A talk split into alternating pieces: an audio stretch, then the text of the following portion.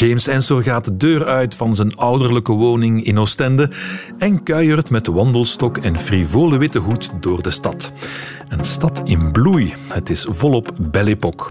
Oostende is op dat moment een topbestemming in Europa. Toeristen komen van overal. Wat is het precies dat hen lokt naar de koningin der badsteden? En wie komt er? Ik ben Ronald Verhagen en ik praat met Koert van Egem over zijn boek Oostende in de Belle Époque.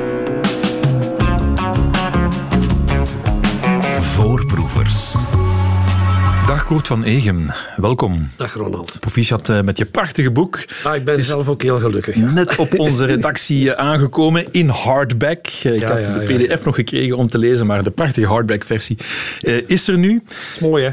Het is heel mooi. En uh, James Ensor, niemand minder dan hem, is uh, de gastheer eigenlijk, uh, zo zou je het ja. kunnen zeggen, in je nieuwe boek over Oostende in de Belle Époque, want zo heet het. De gouden jaren, eind 19e, begin 20e eeuw. En met hem, met James, wandelen we het boek binnen, zo gezegd. Is Ensor voor jou de meest symbolische figuur uit die periode? Wel, je, je, je wandelt het boek binnen, de Belle Époque binnen, en je wandelt er ook weer uit. Dat is dus uh, aan het einde komt Ensor terug. En dat heeft mee te maken omdat Ensor zijn belangrijkste werken heeft hij gemaakt tussen uh, 1880, zeg maar, toen hij nog heel jong was, en uh, de eeuwwisseling. In die periode zijn eigenlijk al zijn grote werken gemaakt. En dan is hij zich daarna wat meer gaan concentreren op muziek ook, want hij wou toen La Gamme d'Amour, zijn ballet, eigenlijk wou je dat graag verpatsen aan Le Ballet Russe. Dat is niet gelukt. Hij had nog wel een goed idee over waar dat hij mee bezig was. Hij zei ook tegen zijn vrienden van... Uh, ja, uh, ik ben misschien wel een betere muzikant dan schilder. Wat natuurlijk totale onzin is. Ik kan me niet voorstellen dat hij dat zelf geloofde. Maar in alle geval... Ensor is natuurlijk de man van die periode. En het zegt ook veel dat Ensor in Oostende is blijven ja. wonen. En daarom gebruik ik hem. Uh, hij is daar nooit weggegaan. Ja, hij is natuurlijk wel naar Brussel getrokken en naar Antwerpen. Naar, verder niet zo gek veel gereisd, maar toch wel wat. Maar hij keerde altijd weer terug naar Oostende, omdat daar het gebeurde daar. Het gebeurde daar. Heel de wereld kwam elke, elke zomer weer naar Oostende. Ja, de Belle Époque. Hoe is die bloeier gekomen? Wanneer is die Belle Époque begonnen in, in Oostende? Het, het, zit simpel in elkaar. Hè. Oostende was een, een oorlogshaven en een vissershaven. Dat stelde allemaal niet zo gek veel voor. Het was een ingeslapen stadje. En, en plots gebeurt er iets. Plots gebeurt er iets uh, zeer bijzonders. Uh, het Talasso toerisme stijgt in Europa. En wat is Talasso? Talasso, de zeewater. Hè. Talasso, Talasso, de zee. Dus thalassotherapieën, hydrotherapieën. Om te kuren. Daarvoor was kuren iets dat men in Spa en zo deed. Hè, met water dat uit de grond kwam. Men heeft dat geprobeerd door in Oostende, maar er is nooit meer dan vuiligheid uitgekomen. Maar in alle geval, die zee was ineens een bron van, van, van uh, helende werking uh, voor, voor, voor alle soorten van ja, van kwaaltjes uh, waar het rijk volk mee zat. Want het gewone volk kon zich dat toch niet permitteren om daar naartoe te gaan. En in 1865 heeft Chazal, minister van Oorlog, op bevel van toen nog koning Leopold I, heeft ervoor gezorgd dat Oostende geen uh, oorlogshaven meer was. Zodanig de bastions, want er waren allemaal bastions rond die stad. Hè. Je kunt dat trouwens nog altijd zien. -hmm. Als je naar Oostende gaat, dan kun je zien dat het een van de bastions, daar staat nu Cursaal op. Dus dat is simpelweg heel duidelijk. En uh, die zijn toen verdwenen, zodanig dat men een echte dijk kon aanleggen.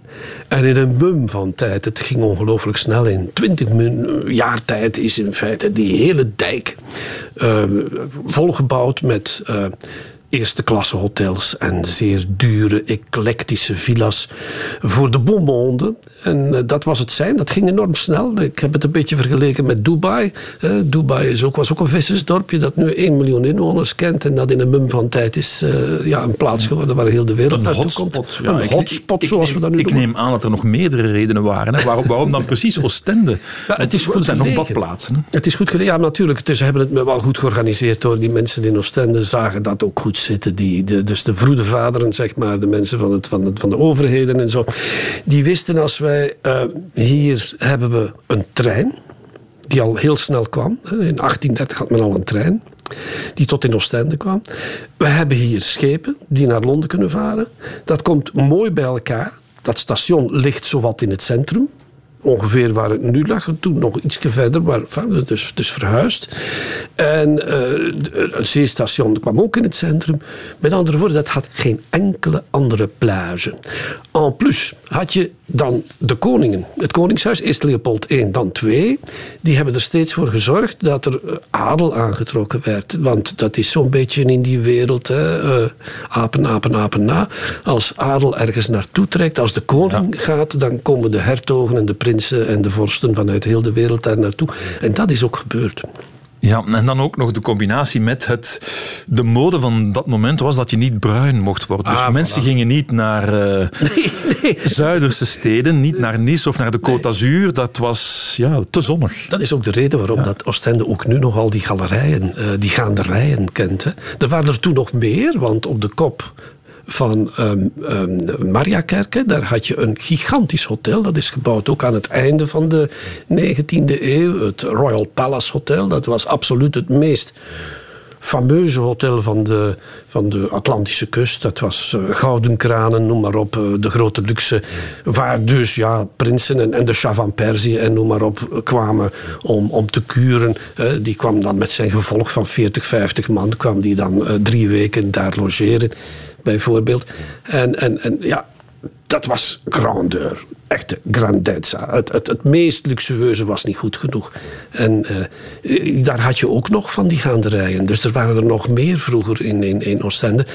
Een en ander is verdwenen uh, door oorlogen. En andere dingen zijn dan weer verdwenen door uh, meneer Van Biervliet en burgemeester Piers. Die samenwerkten om ook veel tegen de grond te werken in de jaren 50 dan. Maar goed, het, het, het was in die tijd ja, de meest luxueuze dijk. Ja, ja. En hoe snel is dat dan gegaan? Want... Op 20 jaar tijd was het ja. Het stond er op 20 jaar tijd. Dus je kunt zeggen tegen de jaren 80 en 78 bijvoorbeeld is het nieuwe Cursaal. Toen, eh, 1878, is het Cursaal gebouwd. Uh, dat is dan nog eens volledig vernieuwd geworden, zodanig dat dat rond een eeuwwisseling, zou je kunnen zeggen, een derde Cursaal was geworden. Alhoewel, dat waren aanpassingen, maar serieuze aanpassingen. Zoveel aanpassingen dat men echt inderdaad van een nieuw uh, cursaal sprak. Maar wat mij vooral uh, is, heeft verbaasd bij mijn, bij mijn onderzoek, uh, is hoe, inderdaad, hoe snel dat het allemaal ging. Hoe onvoorstelbaar snel. Men, men heeft uh, die dijk langs weerskanten uitgebreid, de stad uitgebreid. Men heeft een volledig stratenplan aangelegd. Koning Leopold II had daar gronden. Die had daar natuurlijk uh, voordeel bij om dat zo snel mogelijk te regelen. Kortom, dat was een, een, een, een machine dat in gang schoot. En, en die machine die zorgde ervoor dat dat ja, uh, echt op zijn Dubai's uit zijn voegen barstte. Op een hele, hele, hele korte tijd. Ja, dus elite wel. Hè? Elite. Zijn, het was elite die met vakantie kwam in Oostende tijdens de zomer? Want wat gebeurt er dan de rest van het jaar? als je dus uh, de vier uh, kranten, of vijf kranten, maar er zijn er zo vier die eigenlijk bijna continu liepen. Dat was uh, L'Echo d'Ostende, Le, Le Littoral, La Saison d'Ostende. Enfin, in die kranten kon je bijvoorbeeld ook lezen, in La Saison d'Ostende stond bijvoorbeeld van waar die mensen kwamen en wat ze deden. En die kwamen dus van, inderdaad, van, van Boston, New York, Sint-Petersburg, Warschau, van overal in de wereld, hadden geld. Dat was hetgeen wat hen samenbracht. Ze hadden geld, heel veel geld, enorm veel geld. En, en, en, in de zomer kwamen ze daar, waren ze daar bij elkaar. En wat, u, wat je zegt, inderdaad, in de winter werd dat terug, dat ingeslapen kleine stadje, vissersstadje, met, met ja, ook nog wat klein beetje andere bezigheden. De, de, er waren nog wat garnizoenen gebleven. Er was een klein beetje industrie, niet zo gek veel. Trouwens, nog altijd niet veel industrie in Oostende. Maar dat, dat sliep in. Dat is zeer merkwaardig. Het was... Hoe moet ik mij Oostende dan voorstellen? Op dat moment was dat dan een weelderige dijk en erachter armzalige visserswoningen? Uh, voor een, voor, voor, dat is voor een gedeelte waar. Uh, de nieuwe wijken die gebouwd werden, die stonden ook vol met eclectische villa's. En dan spreek ik over de wijken die waar je in de richting van Mariakerke gaat. De meeste mensen kennen Oostende wel, hè, waar dus de koninklijke villa stond. In die tijd waren dat twee chalets. Eerst een chalet dat uh, Leopold I heeft gebouwd. Dat werd afgebroken, want Leopold II zag het wat groter. Bouwde ook twee chalets, één voor hem en één voor zijn vrouw. Hij had geen pottenkijkers nodig en zeker niet zijn vrouw. Uh, die daar trouwens ook niet zo vaak verbleef, maar dit geheel terzijde. Maar die wijk die daarop aansluit, met Petit Paris, zoals dat in, ja, in Oostende heet, dat was uiteraard een volledig nieuwe wijk. Maar de oude wijken dan de Vissershaven in de buurt van de Kaaien, en, en daar was, ja, daar woonde het gepeupel. En dat was heel duidelijk gescheiden. Hè. Ik noem het echt in het boek upstairs, downstairs. Wie op die hooggelegen gebieden lag, aan de dijk en zo, en in die, in, in, die mooie lanen die er werden aangelegd, ja, die had het goed, die behoorde tot die elite. Maar wie daar in die kleine huisjes, daar woonden ze met enorm veel mensen bijeen, in, in, echt kleine huisjes, met beneden meestal ook nog een kroeg, want dan uh, hadden die, die dames van die vissers ook iets te doen, en dat bracht dan weer het geld dat die vissers toch opzopen, kwam dan toch weer terecht bij de families. Maar dat was overleven. Uh, dat was uh, absoluut een, een enorm contrast. Je, moet dat, je moet je voorstellen, als zij naar die lanen keken waar het rijke volk in het station aankwam en voorbij reed in prachtige landauers, schitterende koetsen en, en, en met al hun personeel en al hun rijkdom. Ja, dat, dat moet wel uh, een serieuze schok zijn geweest toen dat die Hoe daar keken zij daarnaar? Want ze verdienen er wellicht toch ook iets ja, aan. Ja, met gemengde gevoelens. Langs de ene kant bracht het geld in het laadje. En uh, anderzijds, uh, ja, dat verschil gaf ook spanningen. Hè. Je mag niet vergeten dat er een grote uh, opstand is geweest op een bepaald ogenblik, de vissersopstand. dat had dan weer te maken met Engelse vissers die hun lading vis in, in Oostende aan lagere prijzen konden dumpen, omdat ze op betere visgronden mochten gaan varen, et cetera. Enfin, die spanningen trouwens zeer mooi weergegeven door James Ensor. Die heeft die getekend en geschilderd en zo. Die heeft daar prachtige documenten eigenlijk van gemaakt. Zodat dat je dat nu nog altijd kunt zien. Die stond achter de vissers. Die kende ook de vissers trouwens. Ensor kende ook Oostijns. Die kon dat klappen. Hij kende geen Nederlands. Hij sprak alleen Oostijns en, en, en Frans. En, en, en Engels uiteraard. Wat zijn mother tongue was uiteindelijk. Maar waar was ik gebleven? Oh ja, dus die, die, die, die, die vissers die, die hebben daar serieus in opstand gekomen. In de zomer nog wel. Toen zelfs de koning in, het, uh, in zijn chalet verbleef. En uh, daar is op geschoten toen. Men heeft daar de, de, de nationale garde bijgebracht. En daar, zijn, daar, zijn, zijn mensen gestorven. Dus dat was een serieuze opstand. Dat was niet om te lachen. En dus dat was wel ook een klein beetje, kun je zeggen, daardoor geïnspireerd. Door te zeggen, waarom gaat al het geld naar, naar de rijken en is er niets voor ons? En, en ja, daar, daar, zijn toen ook wel een paar zaken gebeurd. Men heeft daar wel een beetje. Uh, het is, je zou kunnen zeggen dat het het begin was van een, een kleine vorm van openbare onderstand. Mm-hmm. Want het vissersleven was hard. Je was nooit zeker als die sloepen uh, de zee op gingen, je was nooit zeker of het terugkeerde. Een beetje storm, ja, die sloepen die waren absoluut niet zo stevig als nu. Dus waren in elk vissersgezin waren er elke jaren wel weer doden te betreuren. Dus het was een hard bestaan, het was een slecht betaald bestaan. Het was uh, dat in tegenstelling tot die waanzinnige het is een waanzinnig contrast als je het leest het in, je, in, je, boeken. Ja, ja, als je de ja. voorbeelden geeft. Je noemde al het Royal Palace Hotel, waarschijnlijk het meest opzichtige hotel. Ja, dat er helaas nu niet meer is. En nu staat er een groot appartementsblok. Uh, dat op, Royal Palace heet, heet ook, ja, de naam is gebleven. dat is trouwens met al die hotels ook. Hè. De Splendid uh, op, de, op, de, op, de, op de dijk. De, de Continental, die heet nu Residentie Splendid en zo. Hè. Dat, dat, is, dat is zo gebleven. Dus dat... Kan je ons eens meenemen door zo dat Royal Palace Hotel? Wat, wat viel daar oh, te beleven? Als je, op een zomerdag. Als je de hotels, als je de hotels beleeft. Kijk, als je, ik ga gewoon over een zomerdag vertellen. Dat is eigenlijk nog veel mooier. Een zomerdag, mensen worden wakker in een van hun hotels waar alle comfort was. Hè. Het comfort van die tijd. Een lift bijvoorbeeld. Dat was een nieuwigheid. Warm en koud water, baden, noem maar op. Het waren luxe hotels. Men had er alles. En uh, als men dan opstond, dan had men ontbeten. Dus noods op de kamer. Dus noods in, het grote, in een van de salons of de restaurants van, van die hotels. Uh, dan, ging dan kon men s ochtends naar een concert. Het eerste concert s ochtends was een orgelconcert. Het grote orgel in de cursaal werd dan bespeeld. En, ja, dat, daar kon men binnen en buiten lopen. Dat was voor een zekere gezelligheid. En uh, uh, Villain, de, de, de organist, die bespeelde zijn publiek dan op een heel erg prettige manier. Iedereen vond dat wel prettig. En dan uh, ging men daarna ging men, ja, le petit déjeuner. ging men het déjeuner nemen. Hè? Dus het, wat wij het middagmaal, de lunch noemen.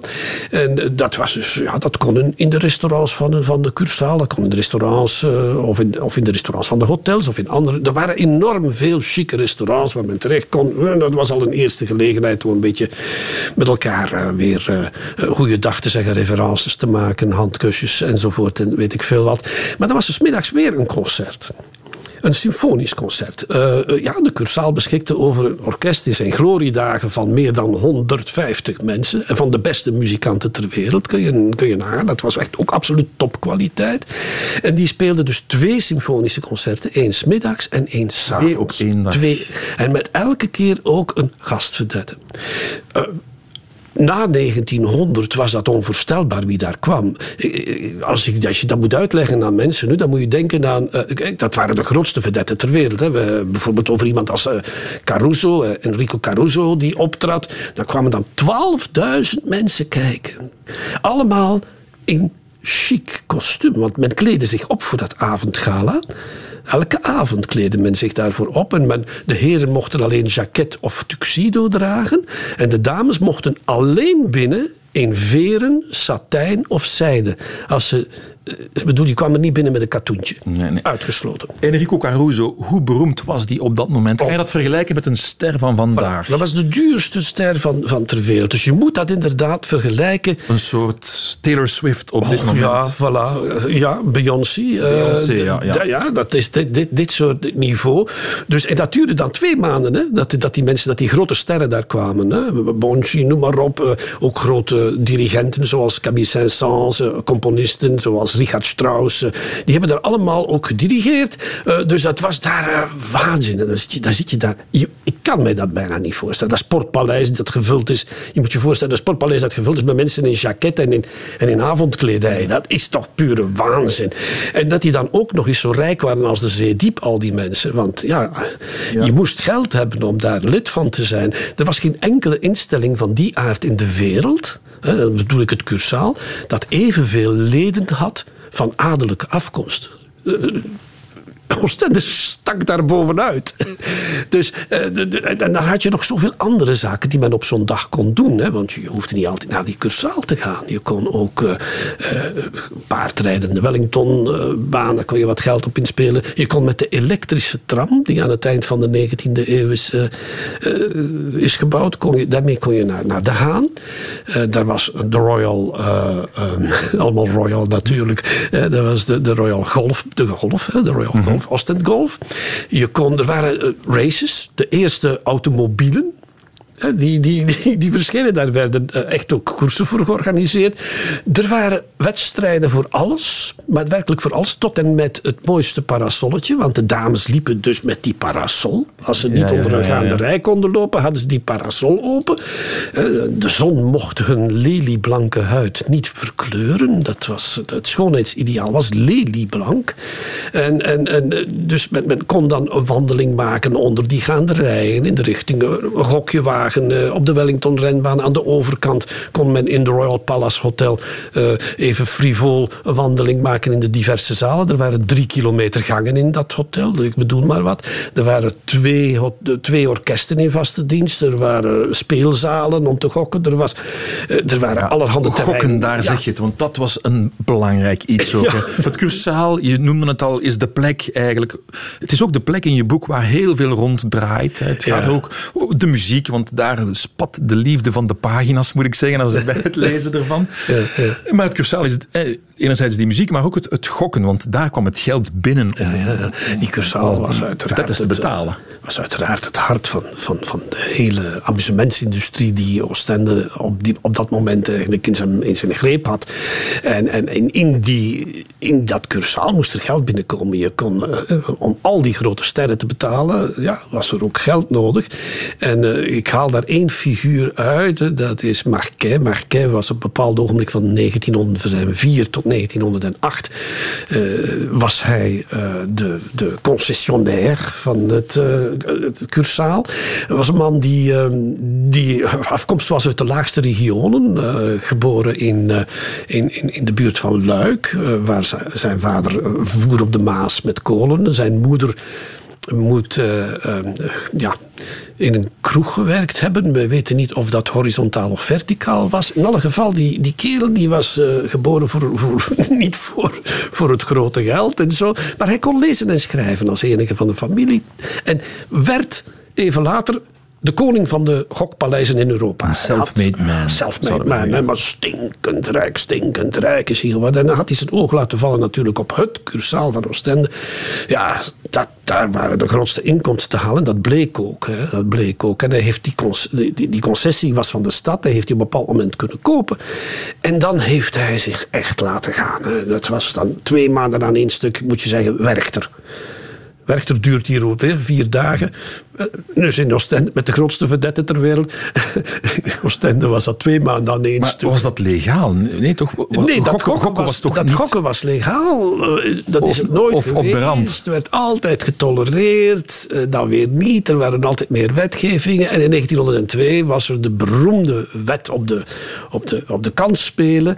En die wet die heeft veel verknoeid. En het is eigenlijk, dat is ook de reden waarom dat Marquet die concessie kon pakken krijgen. Want de stad Niemand durfde het durfde niet investeren. Ah, ja, Niemand ja, ja, durfde nog. En die Marquet die had in de allerhoogste kringen de beste relaties. En, en, en tot en met de koning was een vriend van hem. Uh, hij had op een bepaald ogenblik uh, bijvoorbeeld die beroemde Villa Maritza, die iedereen wel kent. Ah, die ja, prachtige met, over met de gouden, met de gouden, de versieringen. dat was dan, had hij gekocht, dat was dan zijn buitenverblijf. En daar hield hij grote feesten waar ook de koning op aanwezig was, al dan niet uh, gescharrelde, rondscharrelde met de jonge dames. Maar goed, in alle geval, hij, hij had al die connecties en hij waagde het. En hij slaagde erin. Omdat hij ook zeer goed begrepen had, vergeet de Oostendenaar niet. Dus hij zorgde ervoor dat er stoeten waren. Hij zorgde ervoor dat er feesten waren. Ja, ook ja. in dat lager gelegen gedeelte. Hij kocht zich een... Goodwill Letterlijk eigenlijk. goodwill. Bijvoorbeeld Ibis. Dat was gesticht door de prins. Toen nog prins, later koning. eh, Albert I, maar de prins toen. Die stichtte het goede werk Ibis. Dat was een werk voor de... eh, kinderen, de weeskinderen. Hè, De ouders waren op zee gestorven. En die weeskinderen die werden dan eh, in Ibis opgevangen. Bestaat nog steeds. Het is meer dan 100 jaar oud. Dat bestaat nog steeds. En, en daar, ja, daar gaf hij een concert voor. Dat hij helemaal alleen betaalde. Hij betaalde alles voor dat concert. eh, Caruso erbij, noem maar op. Dus hij zorgde ervoor dat iedereen mee kon genieten van het succes en daardoor was niemand geneigd om... Ja, men durfde niet machine te stoppen. om die letterlijk aan te pakken. En ondertussen draaide zijn roulettes en weet ik veel wat à volonté. En hij haalde maar geld binnen, dat stak de ogen uit. Hij heeft dan uiteindelijk toch, het, ja, dan toch gevallen. Maar hij had ondertussen miljoenen verdiend. Eh, dus eh, dat, dat was een spel. En zo zag die man heel zijn leven. Hij heeft ook een keer, eh, hij had bijvoorbeeld een, een casino in, in, in Egypte, dat ook is mislukt. Eh, omdat hij daar is buiten gevlogen. Dat had dan te maken met iemand anders die betere contacten had. Maar hij had in heel Europa casinos. Dus eh, eh, die man wist wel wat dat hij deed. En in Oostende, daar zat het meeste geld bij elkaar. Dus dat, dat wilde hij, die kans kon hij zich niet laten ontglippen. Dus hij, hij, hij- hij zorgde dat hij die concessie kreeg en heeft daar gedurende x aantal jaren zeer veel geld verdiend. Maar hij is ook de man daardoor die dat niveau van orkest en vertier en op alle vlakken. Hij de investeerde dus, Ja, ja. hij investeerde, Ja, ja, ja. hij investeerde werkelijk fortuinen daarin. eh, Want hij wilde het allerbeste. Ja. Want als je het allerbeste geeft, dan krijg je ook de allerbeste eh, toeristen, eh, kuurgasten. En dan krijg je ook het meeste geld in de speelzalen. Ja, en dat model werkte heel goed. Oh ja. Tot en met helaas, of tot eigenlijk de Eerste Wereldoorlog uitbrak in 1914. Toen de oorlog voorbij was, is er geen doorstart gekomen van die Belle Époque. Hoe verklaar je dat? Eh, Het sprookje was inderdaad voorbij, zoals ik mijn laatste hoofdstuk eh, het einde van het sprookje noem. En, en dat had te maken met, met een paar factoren. In eerste instantie de elite, de adellijke elite. De hele Oost-Europese adel, die zeer goede klanten waren. Laten we niet vergeten, daar waren veel vorsten in al die Baltische staten, in Warschau, in, in Budapest, noem maar op. Ja, die waren alles kwijt. Dat was communistisch geworden. 1919, 1918, 1919. trouwens, die waren ook veel van hun inkomen kwijt. Dus die, die, zij moeten vluchten veel. De heel veel Russen vluchten naar Parijs. Op dat moment naar Brussel ook, de Wit-Russen. Dus er was een groot cliëntele dat dat niet meer aankon. En dan een tweede punt is dat in 1920 uh, um, Coco Chanel, de, de, de godin, de nieuwe godin van, van, van, uh, van de, de, mode, die, die, zei, die kwam op een bepaald moment gekleurd terug zelf uit een vakantie. En dan ja, lanceerde zij gewoon van jongens, eh, stop daar eens mee met dat lelie blank. Je mag bruin worden, kijk naar mij. En iedereen volgde dat op. Ja, natuurlijk als je dan toch mocht bruinen, daar was Oostende niet meteen de, de, beste bestemming. Dan had je de Riviera van, van Frankrijk en de Italiaanse Riviera en zo. Dus dat waren veel betere bestemmingen. En dat is toen natuurlijk, ja, trouwens, Marquet had in Nice ook, zijn, casino. Zijn, en, zijn casino. En ook Hotel Negresco had hij ook gekocht. Ja. Het is helaas ook een soort van einde van de grote Belgische periode voor klassieke muziek. Hè? Want je schrijft dat eind 19e eeuw was een enorm bloei voor Belgische muzici. Ja. Dat stopt dan ook.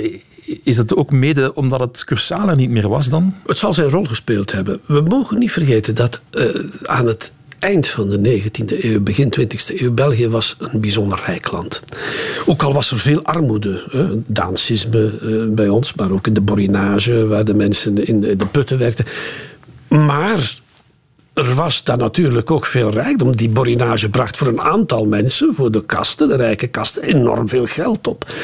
Gentse textiel bracht veel geld op. De haven van Antwerpen bracht veel geld op. Wie daar werkte, ja, die, die, die niet natuurlijk. Dus er was een enorm verschil tussen rijk en arm.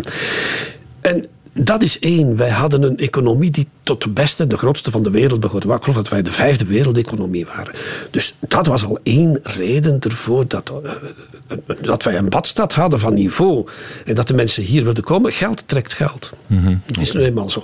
Geld trekt geld. De adel zat er, omdat de koningen er waren. Dus het, het, het, het marcheerde allemaal. Maar dat was ook gedaan na de oorlog van 1918 uh, verdween dat. Wie dan nog op vakantie kwam, uh, Ensor was daar zelf over bezorgd. Zei, ja, er zijn alleen nog, er zijn alleen nog families uh, die hier zijn komen strijden uit Engeland, die hier nu ja, komen verblijven, maar in feite die, die dure hotels niet meer kunnen betalen. Dus die in pensions zich verblijven en zo. Dus het veranderde allemaal. Ja, en Enzo doet dan het licht uit, bij wijze van spreken, van die periode. Van de Belle Époque, ook in jouw boek Oostende in de Belle Époque.